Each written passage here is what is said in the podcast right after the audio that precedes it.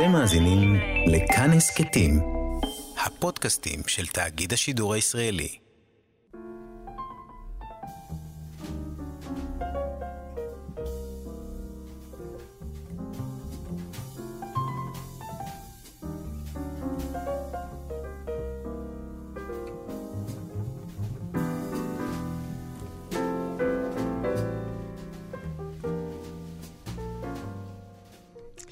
שלום. צהריים טובים. ברוכים הבאים בהתבודדות, כאן ברדיו כאן תרבות, באולפן יאיר אסולין ועמיחי חסון. בשעה הזאת, שבוע שעבר, זה היה מין... אה, אתה מיד מנחית אותנו לקרקע המציאות. כן, אוקיי, ויתרתי על הפורפלייר. כן. אה, לא, רואה. אה, אני חושב שזה חלק מזה, כלומר, לא היינו פה, נגיד שלא שידרנו, אני אה, לא חשתי כל כך בטוב. אה, ובדיעבד זה היה הרגעים האלה של גלים פתוחים אינסופיים מתוך אה, התרחשות של הטרגדיה האיומה והנוראה שהתרחשה במירון. ורק עכשיו אני תופס שעבר שבוע, זה מרגיש כאילו אנחנו בסיפור הזה, לא רוצה להגיד חודשים, אבל ככה אני מרגיש. מה זה הסיפור הזה? תנסה להגדיר בכמה מילים את מה שאתה קורא לו הסיפור. תחושת חושר, חוסר האונים, אני כאילו מכל התיאורים הבאמת איומים, אין, אין לי מילה אחרת. היו שם רגעים ש... במיוחד התיאור של האבא זה אה, חיות, כן. ש- שגבלו אה, בסיפורים ששומעים בגרמניה של 42. מהמם. אני לא צוחק. כלומר, זה, זה, זה משהו שהוא הוא פשוט לופת לך את הלב ומשסה אותו לגזרים. ומה שהכי הלך לי עם זה, זה התחושה של החוסר אונים. כלומר, של כמעט כל מי שהיה מעורב בסיטואציה הזאת, מכל הכיוונים, מהצד של הנספים, מהצד של הפצועים, מהצד של השוטרים, כל מי שכאילו היה נוכח באותו רגע היה חסר אונים. כן. הוא יכל לעשות מעט מאוד, גם צוותי הצלה, גם... ואני חושב ש... כאילו, זה נורא להגיד את זה, אבל אין משהו יותר נורא מחוסר אונים. כלומר, אדם שנאבק, גם אם בסוף הוא מפסיד במאבק, לפחות יש לו את, את התחושה הזאת שהוא, שהוא ניסה והוא לא הצליח. כן. יש בזה מין, אה, אני לא רוצה להגיד נחמה, כי, כי בוודאי שלאור התוצאות הטרגיות, נחמה אין, אבל אני חושב שזה משהו שנורא יכול להחזיק אותך ברגע כזה. או לפחות ככה היה נדמה לי. אחד הפצועים, שמעתי, ראיינו אותו איפשהו, והוא אמר משפט שמתכתב עם מה שאתה אומר. הוא אמר, אני חושב שניצלתי כי הצלחתי להתאפק ולא לצעוק. כלומר, לא בזבזתי את האוויר. וואו.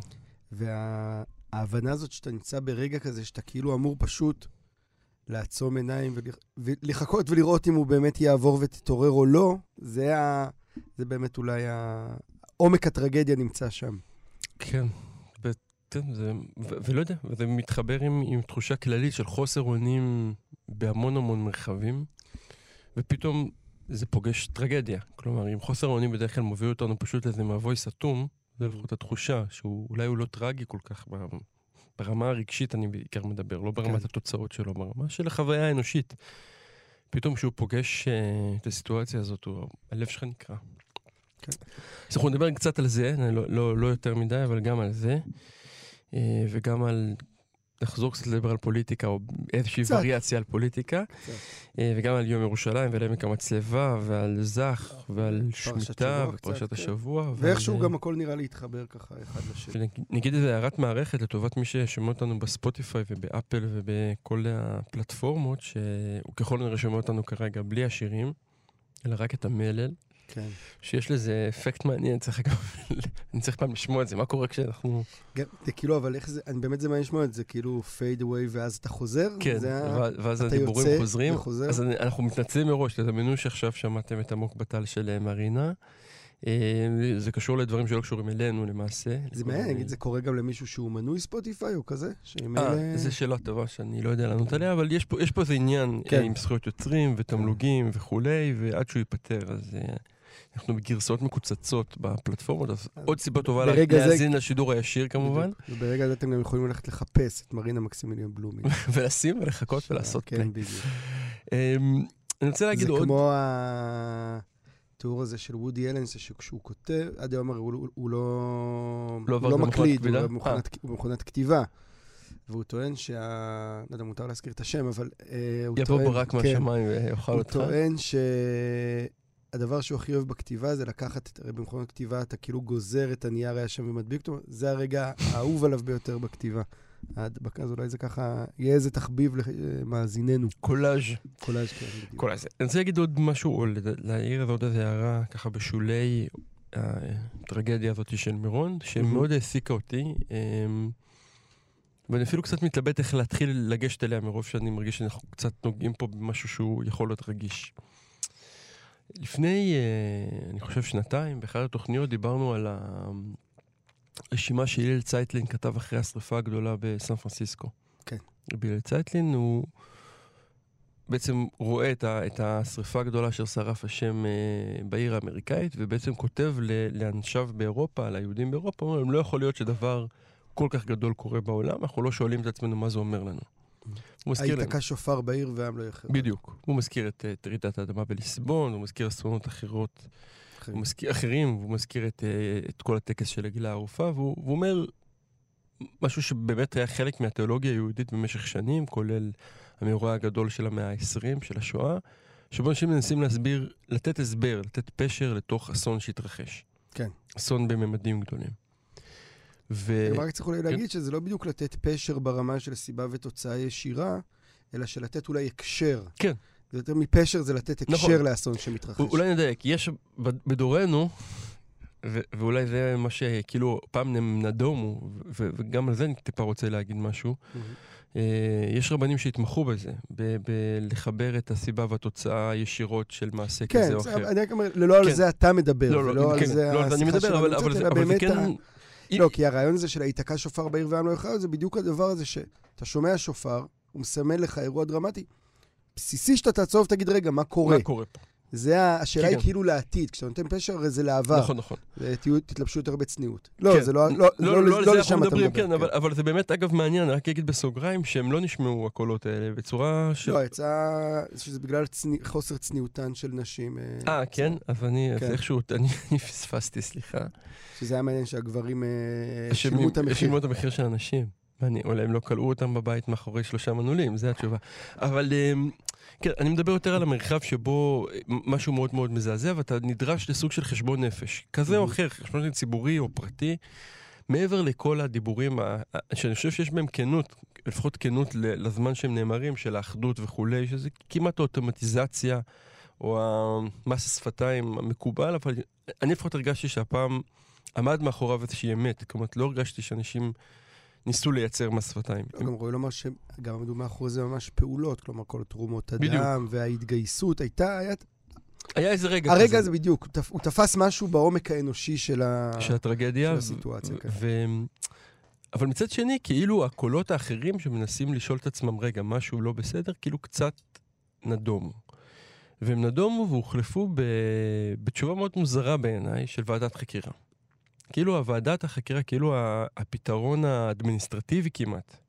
שיסביר את הכשל בשפה משפטית, וינתח אותו ויסביר אותו ויטיל אחראויות, וימצא אשמים, וידון אותם בבית המשפט, ונבין ש- שהרוחב צריך להיות ככה, והמשטרה צריכה לפתוח את הפתח ככה.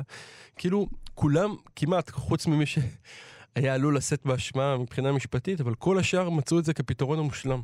מהמם.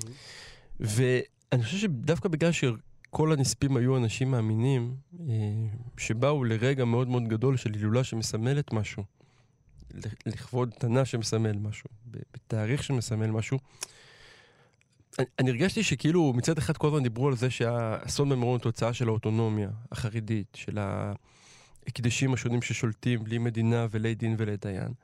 ומצד שני, הפתרון פתאום שהוצע על ידי כולם, הוא כאילו פתרון של המדינה, הוא פתרון של המנגנון. אנחנו נתפוס את המהנדס. ממי היית מצפה בעצם שישאל את שאלת ה...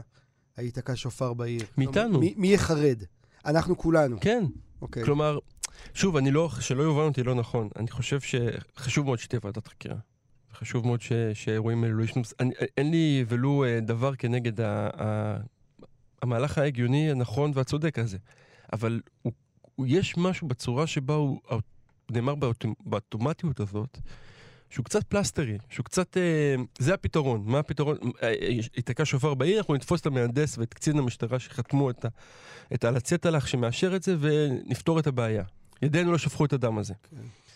ואני... נדמה לי שהשבוע הזה, או היום הולדת של קלפקה, או היארצייט שלו. אה, באמת? זה מעניין לבדוק, כי זה... כן. מה שאתה אומר זה כאילו קפקא מפורש במובן הזה, שה... המנגנון... אה, שהנ... זה לא שם, ככל שהנפש יותר, אה, דיברנו על חוסר אונים, ככל שהיא יותר חסרת אונים, או ככל שהיא יותר לא מודעת לעצמה, ככה היא יותר בורחת לפתרונות הפרוצדורליים האלה, כלומר ההיאחזות. הרי מה המניפולציה הספרותית המדהימה של קפקא, שזה דבר שבעיניי הוא פלא כל פעם שאני... אני, אני באמת מתרגש רק כשאני חושב עליו, זה היכולת לייצר עולם שלם שנראה כמו עולם אמיתי, מתפקד כמו עולם אמיתי, נשמע כמו עולם אמיתי, אבל הוא הזוי לחלוטין. וזה בדיוק הפרוצדורה הזו. כן.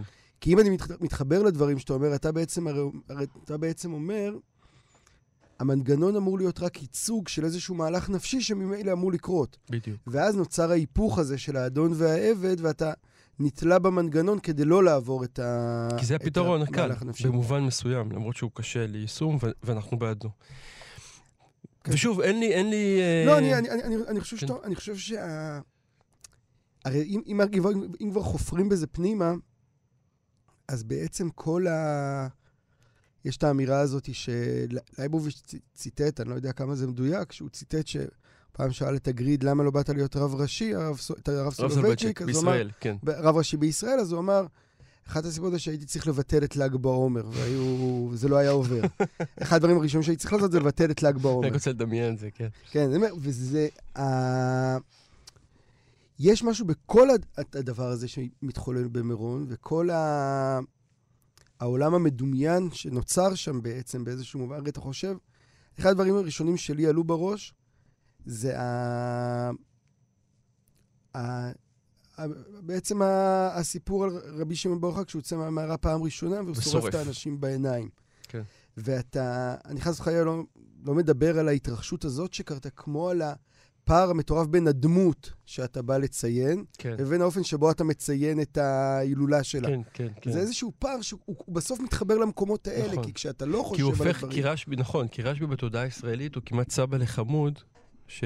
שמלטפת אה, את כל מי שבא אליו, ולא, או, דמות, כן. ולא דמות הדין הקשה ש... איך שמיוצגת קוראים לה? רבי בסיפורים. ג'ו קפרה. כן. כן, כזה, זה נכון, וזה זה איזשהו פער, אנחנו מדברים על זה פה הרבה, אבל כאילו כשהדת הופכת לקיץ', אז גם אין לה כבר יכולת לשמוע את ה- את השופר הזה שנזעק באיזושהי צורה. שמנסה, שמנסה לפחות לזעוק. ונגיד בסוגריים, רק על ועדת חקירה, זה בדיוק כתבתי על זה להשבוע, שהתמונת המראה של זה היא שה...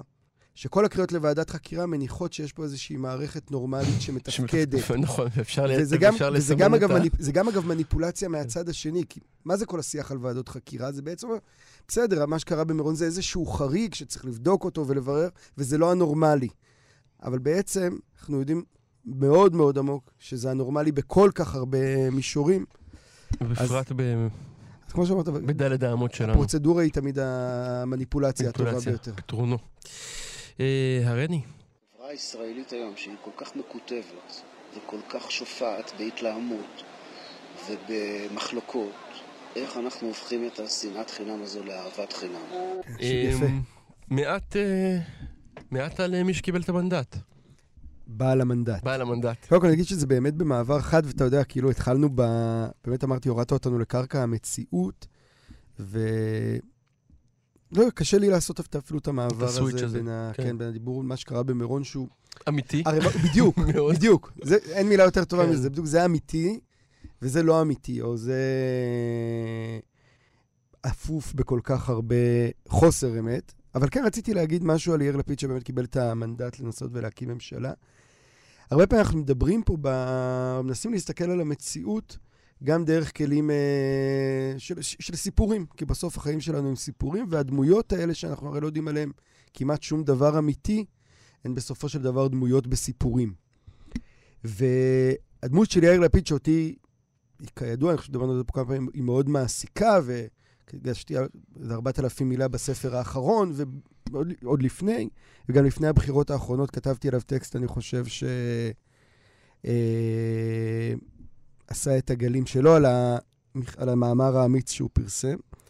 והדמות שלו היא מעניינת אותי, ועם הזמן היא יותר ויותר מתחדדת לגביי, ההבנה הזו שהוא, הכוח הכי גדול שלו, של יאיר לפיד, וזה כביכול מוזר להגיד את זה עכשיו, אבל זה הכי ממחיש את הדבר הזה, הכוח הכי גדול של יאיר לפיד, שהוא אדם במערכת הפוליטית, שעומד בראש מפלגה, אבל אני חושב שבעומק של הדבר, הוא פשוט לא מעוניין להיות ראש ממשלה.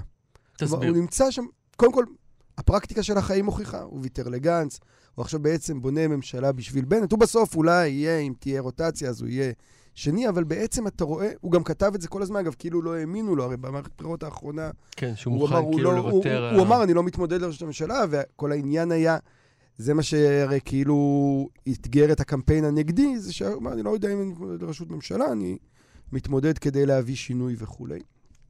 וזה, כשחושבים על זה לעומק, זה ממש, כאילו יש לנו הרי איזה דיפולט כזה, שבו כל האנשים, נגיד, אני רואה את זה הרבה פעמים ב... בסדנאות כתיבה.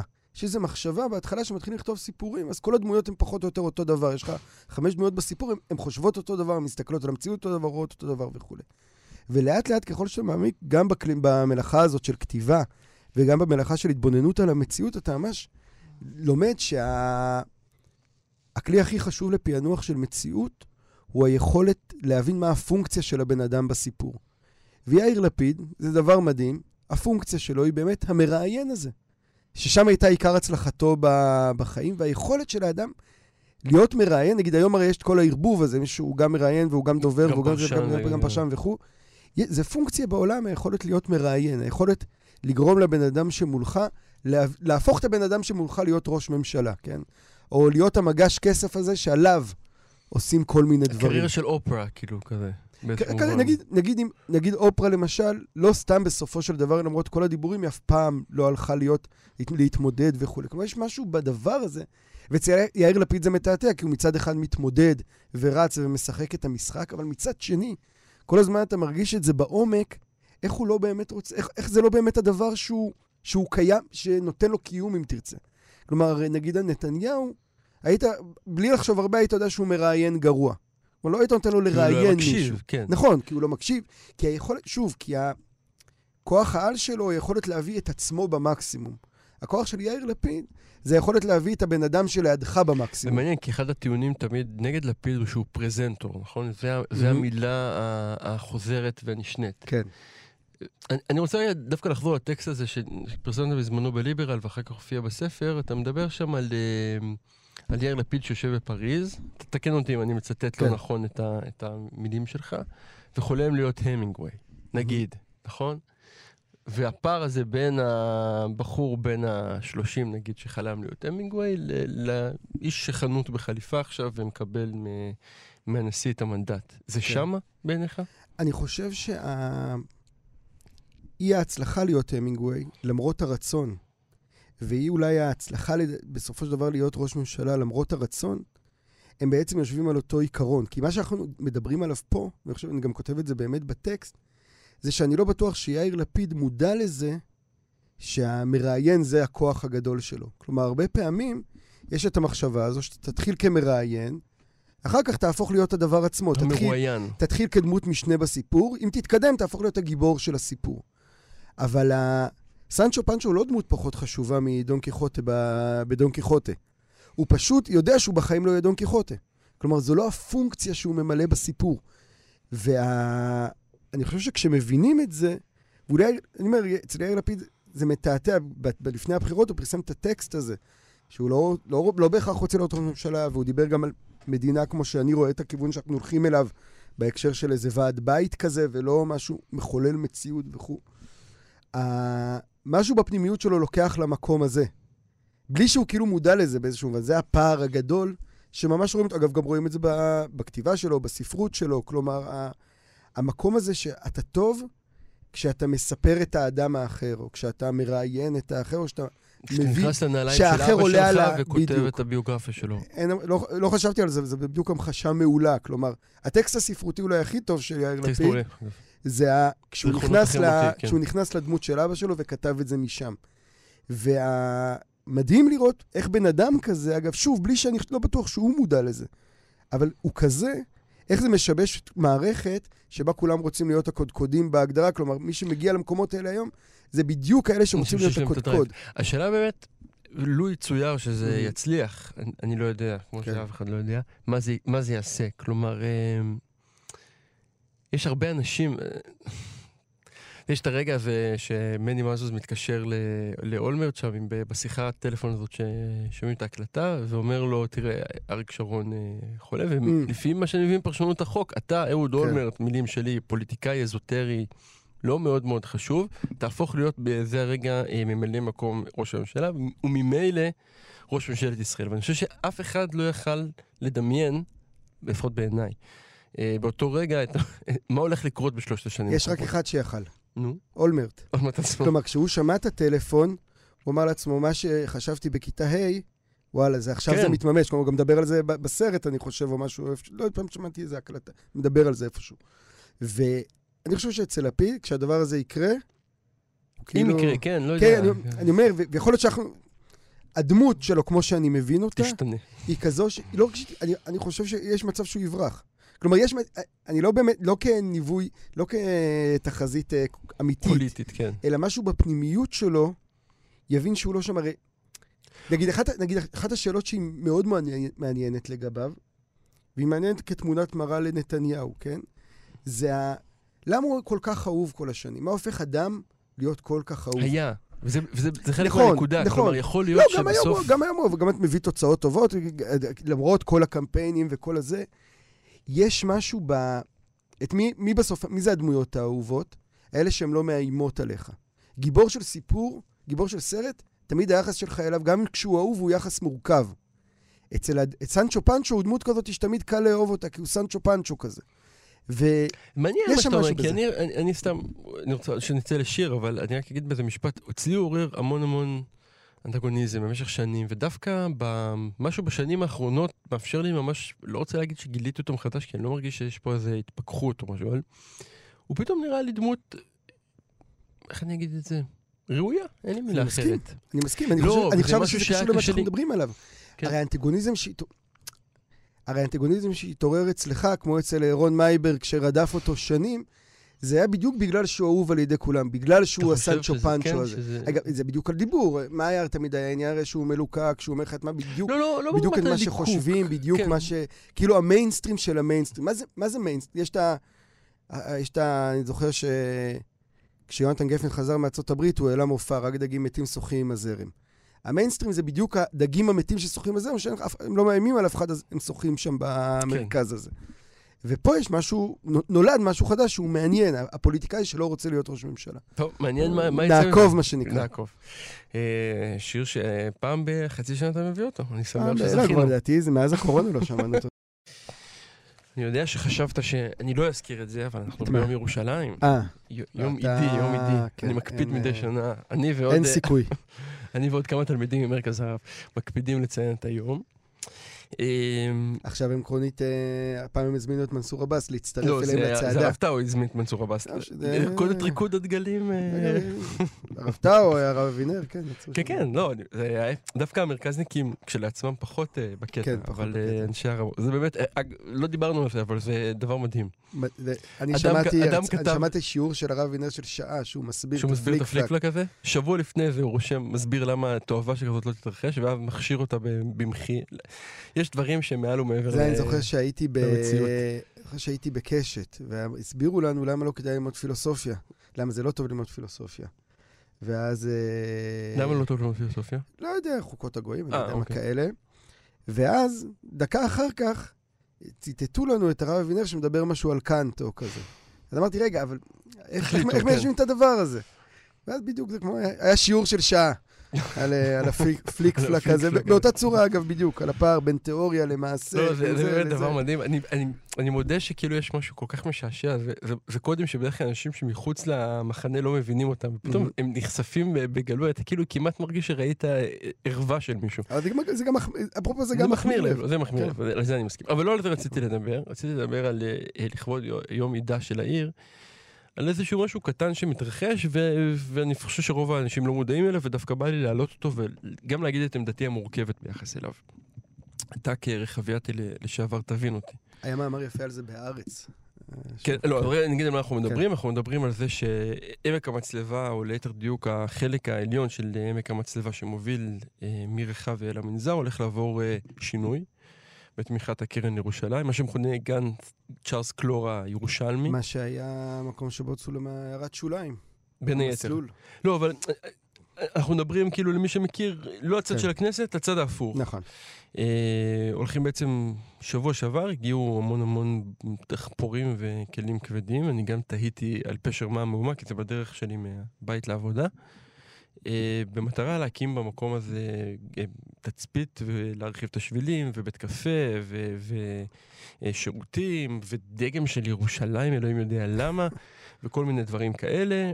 אה, ובאמת, מה שנורא נורא יפה בשטח הזה, שהוא פשוט שטח שלא נוגעים בו. כלומר, הוא נשאר כ... זה לא בדיוק שמורת טבע, וזה גם הטיעון של מי שצועק על זה שאנשים אחרים צועקים על השינוי, אומרים, מה כן. אתם רוצים? זה לא שזה טבע מימי בראשית. זה פונקציה של הפעם הקודמת, שטדי קולק סלל כביש באמצע, אז חילקו את זה לשתיים, בנו שם טרסות, העצים האלה שאתם בוחרים עליהם, הם כולה 40 שנה, מה קרה? אבל יש משהו ב, אה, במרחב הזה, וזה מרחב ש, שיש אותו המון בירושלים בסוף, והוא קצת משתנה, ואני, רוצ- על זה אני רוצה לדבר. אני אוהב את זה שהגינה הזאת היא, אין בה המון טורה, והיא קצת מפחידה בלילה, ואני יודע שזה לא נעים לאנשים מסוימים. ואני אוהב את זה שהעצים שם לא מיושרים.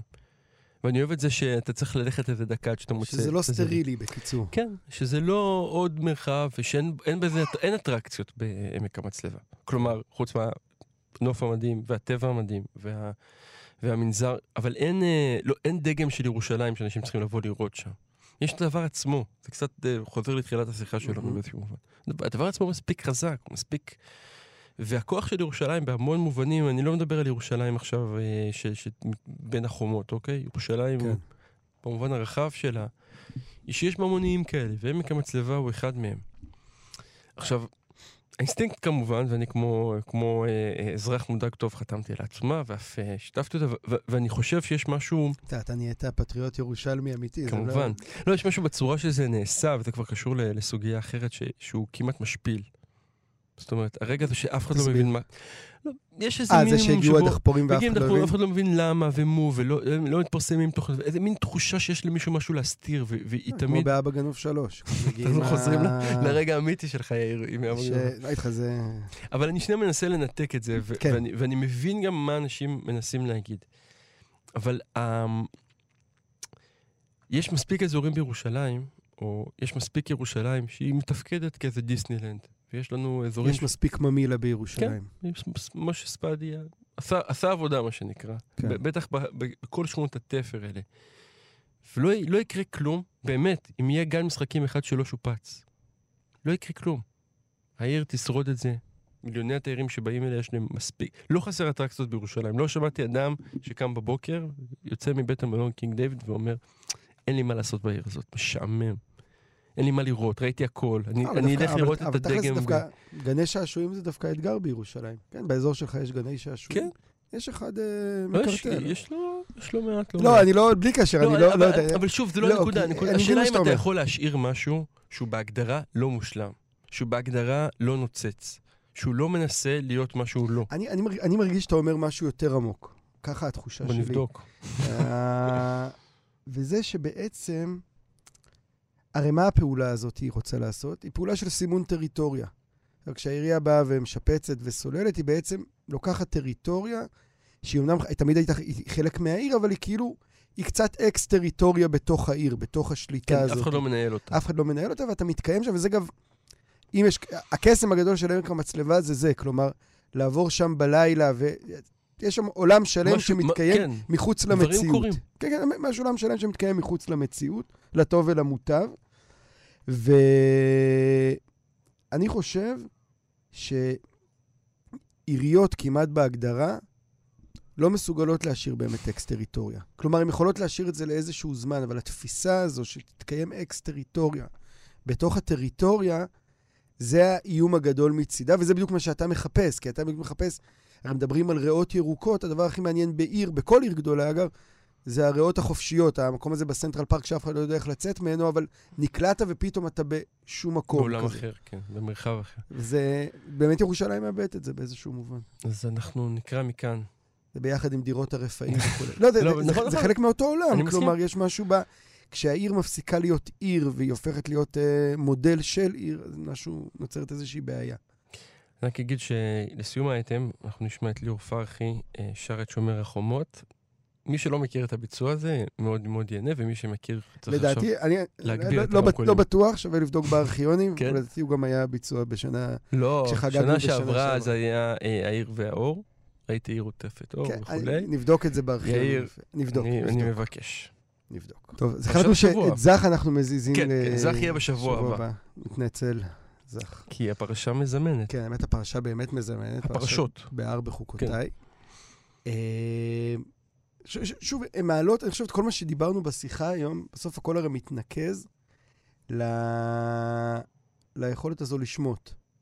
נגיד שבין נגיד, הש- כן, המצוות ש-. ש- שמוזכרות בפרשה נמצאת מצוות השמיטה. הפרשה, הפרשה בעצם נעה בין שני כתבים, מצד אחד השמיטה, מצד שני איסור עבודה זרה. וה... כביכול זה נראה, נראים שני דברים לא קשורים, או מה בדיוק הקשר ביניהם. למה נכבלה פרשת שמיטה ל... יפה. אה. עשית את זה עכשיו עשיתי את זה כמו... לול. לול, כן. בלול, מערכון לול שכזה. או מכון לול, לא אה, המציאות הפוליטית, תבחר, אבל כן. סבבה. ואני חושב שהדבר המעניין בחיבור הזה בין שמיטה ל... לאיסור עבודה עבודה. זרה, היא בדיוק ההבנה שכשאם אתה לא יודע לשמוט, ואם אתה באמת מייצר אה, היאחזויות כאלה מוחלטות, שמה מה, מה הכי טובה להיאחזות מוחלטת? זה בדיוק מה שאתה דיברת עליו, שאתה לא יכול לעבור חשבון נפש, אלא רק בורח לכל מיני פרוצדורות, ואתה לא באמת שומע את הקריאה העמוקה של המציאות, שאומרת לך, שחרר, אז סופך שאתה מגיע לעבודה זרה. כלומר, בסוף, זה דבר מדהים ש... כשמסתכלים עליו מבחינת, כאילו מבחינת הרדיקליות של התורה עצמה, כי. מרקס מדבר על הרעיון הזה של מהפכה מתמדת. ובעצם שמ... שמיטה ביסוד שלה נכון? היא מנגנון למהפכה מתמדת. היא פרוצדורה שמייצרת כן. מהפכה מתמדת, כאילו, ופעם בחמישים שנה פשוט מרסקת את הכל. המבנה הכלכלי הקיים כביכול, שוב, כיהודים טובים למדנו איך לעקוף את זה, אבל ברמת העיקרון, ואנחנו, אני חושב, נוטים לשכוח את זה. כלומר, אנחנו נוטים לשכוח את ה... זה אפילו לא לשכוח, אני חושב שיש... אנחנו נוטים לחשוב שלשמוט משהו זה כישלון. זאת אומרת, נשמט לי משהו, זה כאילו איזשהו כישלון. אבל היכולת לשמוט, הפרשה הזאת אומרת את זה באופן ברור, היא לא פחות חשובה מהיכולת להחזיק. וכשאתה רק מחזיק בלי שיש לך את היכולת לשמוט, או בלי שיש לך את האומץ לשמוט, מה שאני נגיד קורא דיברנו על זה פה הרבה פעמים, קניבליזם עצמי, אז ממילא אתה מוצא את עצמך במקום המת הזה, מה זה עבודה זרה? עבודה זרה זה היכולת לקחת את הדבר הזמני ולהתייחס אליו כאילו הוא נצחי. לעשות איזה מסגור לדבר לאלוה, מת. כן. וזה בדיוק, המקום המת הזה, שאני חושב שהתורה מזהירה מפעם, ואחר כך כל הקללות, אתה רואה איך בדיוק הן מהדהדות, של פרשת בחוקותיי, מהדהדות ממש את, ה, את המקום הזה שבו בני אדם חושבים שהם אלוהים, ושוכחים שהכוח שלהם הוא בדיוק ב, בסופיות שלהם, אם תרצה. אני, אני תמיד נדהם מהפער בין ה... כאילו, הציווי הזה, לבין חוסר היכולת שלו להתממש. כאילו, יש מעט מאוד מצוות בתוך תרי"ג המצוות, שהפער הזה כל כך צועק לשמיים. זאת אומרת, את רובם אתה באיזשהו מקום יכול כאילו, זה מין משהו כזה שכשקוראים אותו, תחשוב על הפעם הראשונה שקראת אותו בתור ילד אפילו, שלמדת את זה. איזה רעיון, נכון? כן. ואז כאילו, ישר אחרי זה בא הדיסקליימר שאומר, אבל תראו, זה, זה החיים. לא, כן, בדיוק. כאילו, אל תהיה ילד, מה שנקרא. נכון. וכאילו דווקא הציווי של התורה, הציווי של אלוהים אומר כן. לא, אבל כאילו, אל תהיה ילד הזה, זה, הרי מה הדבר המדהים בזה באמת? שכאילו, הם רואים את זה גם בכל מיני תיאוריות של ניהול וכולי, שבלי, שהכלי הזה הוא אחד הכלים הכי יעילים כדי באמת לצמוח. כלומר, היכולת הזו באמת לשמוט, היכולת הזו להגיד, וואלה, אנחנו עושים חשיבה מחדש, reframing, redefinition, לא משנה איך אתה מגדיר את זה, reset. נגיד, סליחה. זה, ה... זה הכלי, אחד הכלים הכי טובים לצמיחה. כלומר, אתה רואה את זה בכל מיני קריטריונים של אה, חברות ששורדות לאורך שנים. היכולת שלהם ממש תלויה בלפרק ולהרכיב לא, אתה יודע, מחדש. זה היהדות עשתה קריירה שלמה של ודאי, אני- שלושת אלפים שנה בזכות זה. אני רק אומר שכל האלה שכאילו, אני לגמרי מזדהה עם התיאור הזה, שאתה מתלהב בהתחלה ואז אומרים לך אל תהיה ילד, אז כל אלה שאומרים לך אל תהיה ילד, בסוף הם אלה שלא מבינים את המנגנון האמיתי שבו הדברים קורים. וזה כאילו, דיברת בהתחלה, דיברת על, ה... על העובדה שאתה רואה דברים, שדברים מתנהלים נגיד גרוע, אבל אתה לא רואה את התוצאות, כי אתה לא... עד שקורית נכון. הטרגדיה, ואז פתאום אתה רואה את התוצאה. אותו דבר גם פה, כלומר, האינסטינקט האנושי הוא כאילו לחשוב, לא, בוא נחזיק כמה, נחזיק כמה שיותר חזק, זה, יח, זה יחזק את האחיזה שלנו, אבל בפועל זה הפוך, תדע לשחרר. אגב, כל זוגיות, לא משנה במה, תדע קצת לשחרר. היכול, המעורבות או החיבור תהיה הרבה יותר חזק והצמיחה תהיה הרבה הרבה יותר גדולה. וזה איזשהו עיקרון כאילו מנוגד לאינסטינקט, אבל מאוד מאוד נכון בסופו של דבר במציאות. טוב, עם המחשבה הזאת אנחנו נצא לשבת של uh, השמטות ושמיטות. רק אני אגיד שאנחנו שומעים, אנחנו שומעים את לסטר יאנג ביחד עם הטריו של אוסקר פטרסון, שזה שילוב נהדר. ונצא איתו לשבת. ונגיד תודה לנדב אלפרין שערך ופי כמובן, ו... אה, לא יודע, אני כאילו בתחושה שמשהו... מה? שבת מזמנת איזה משהו, לא יודע, אולי, אולי נזדמן לתוך זה. מהפה שלך, מה שנקרא. שבת שלום. שבת שלום.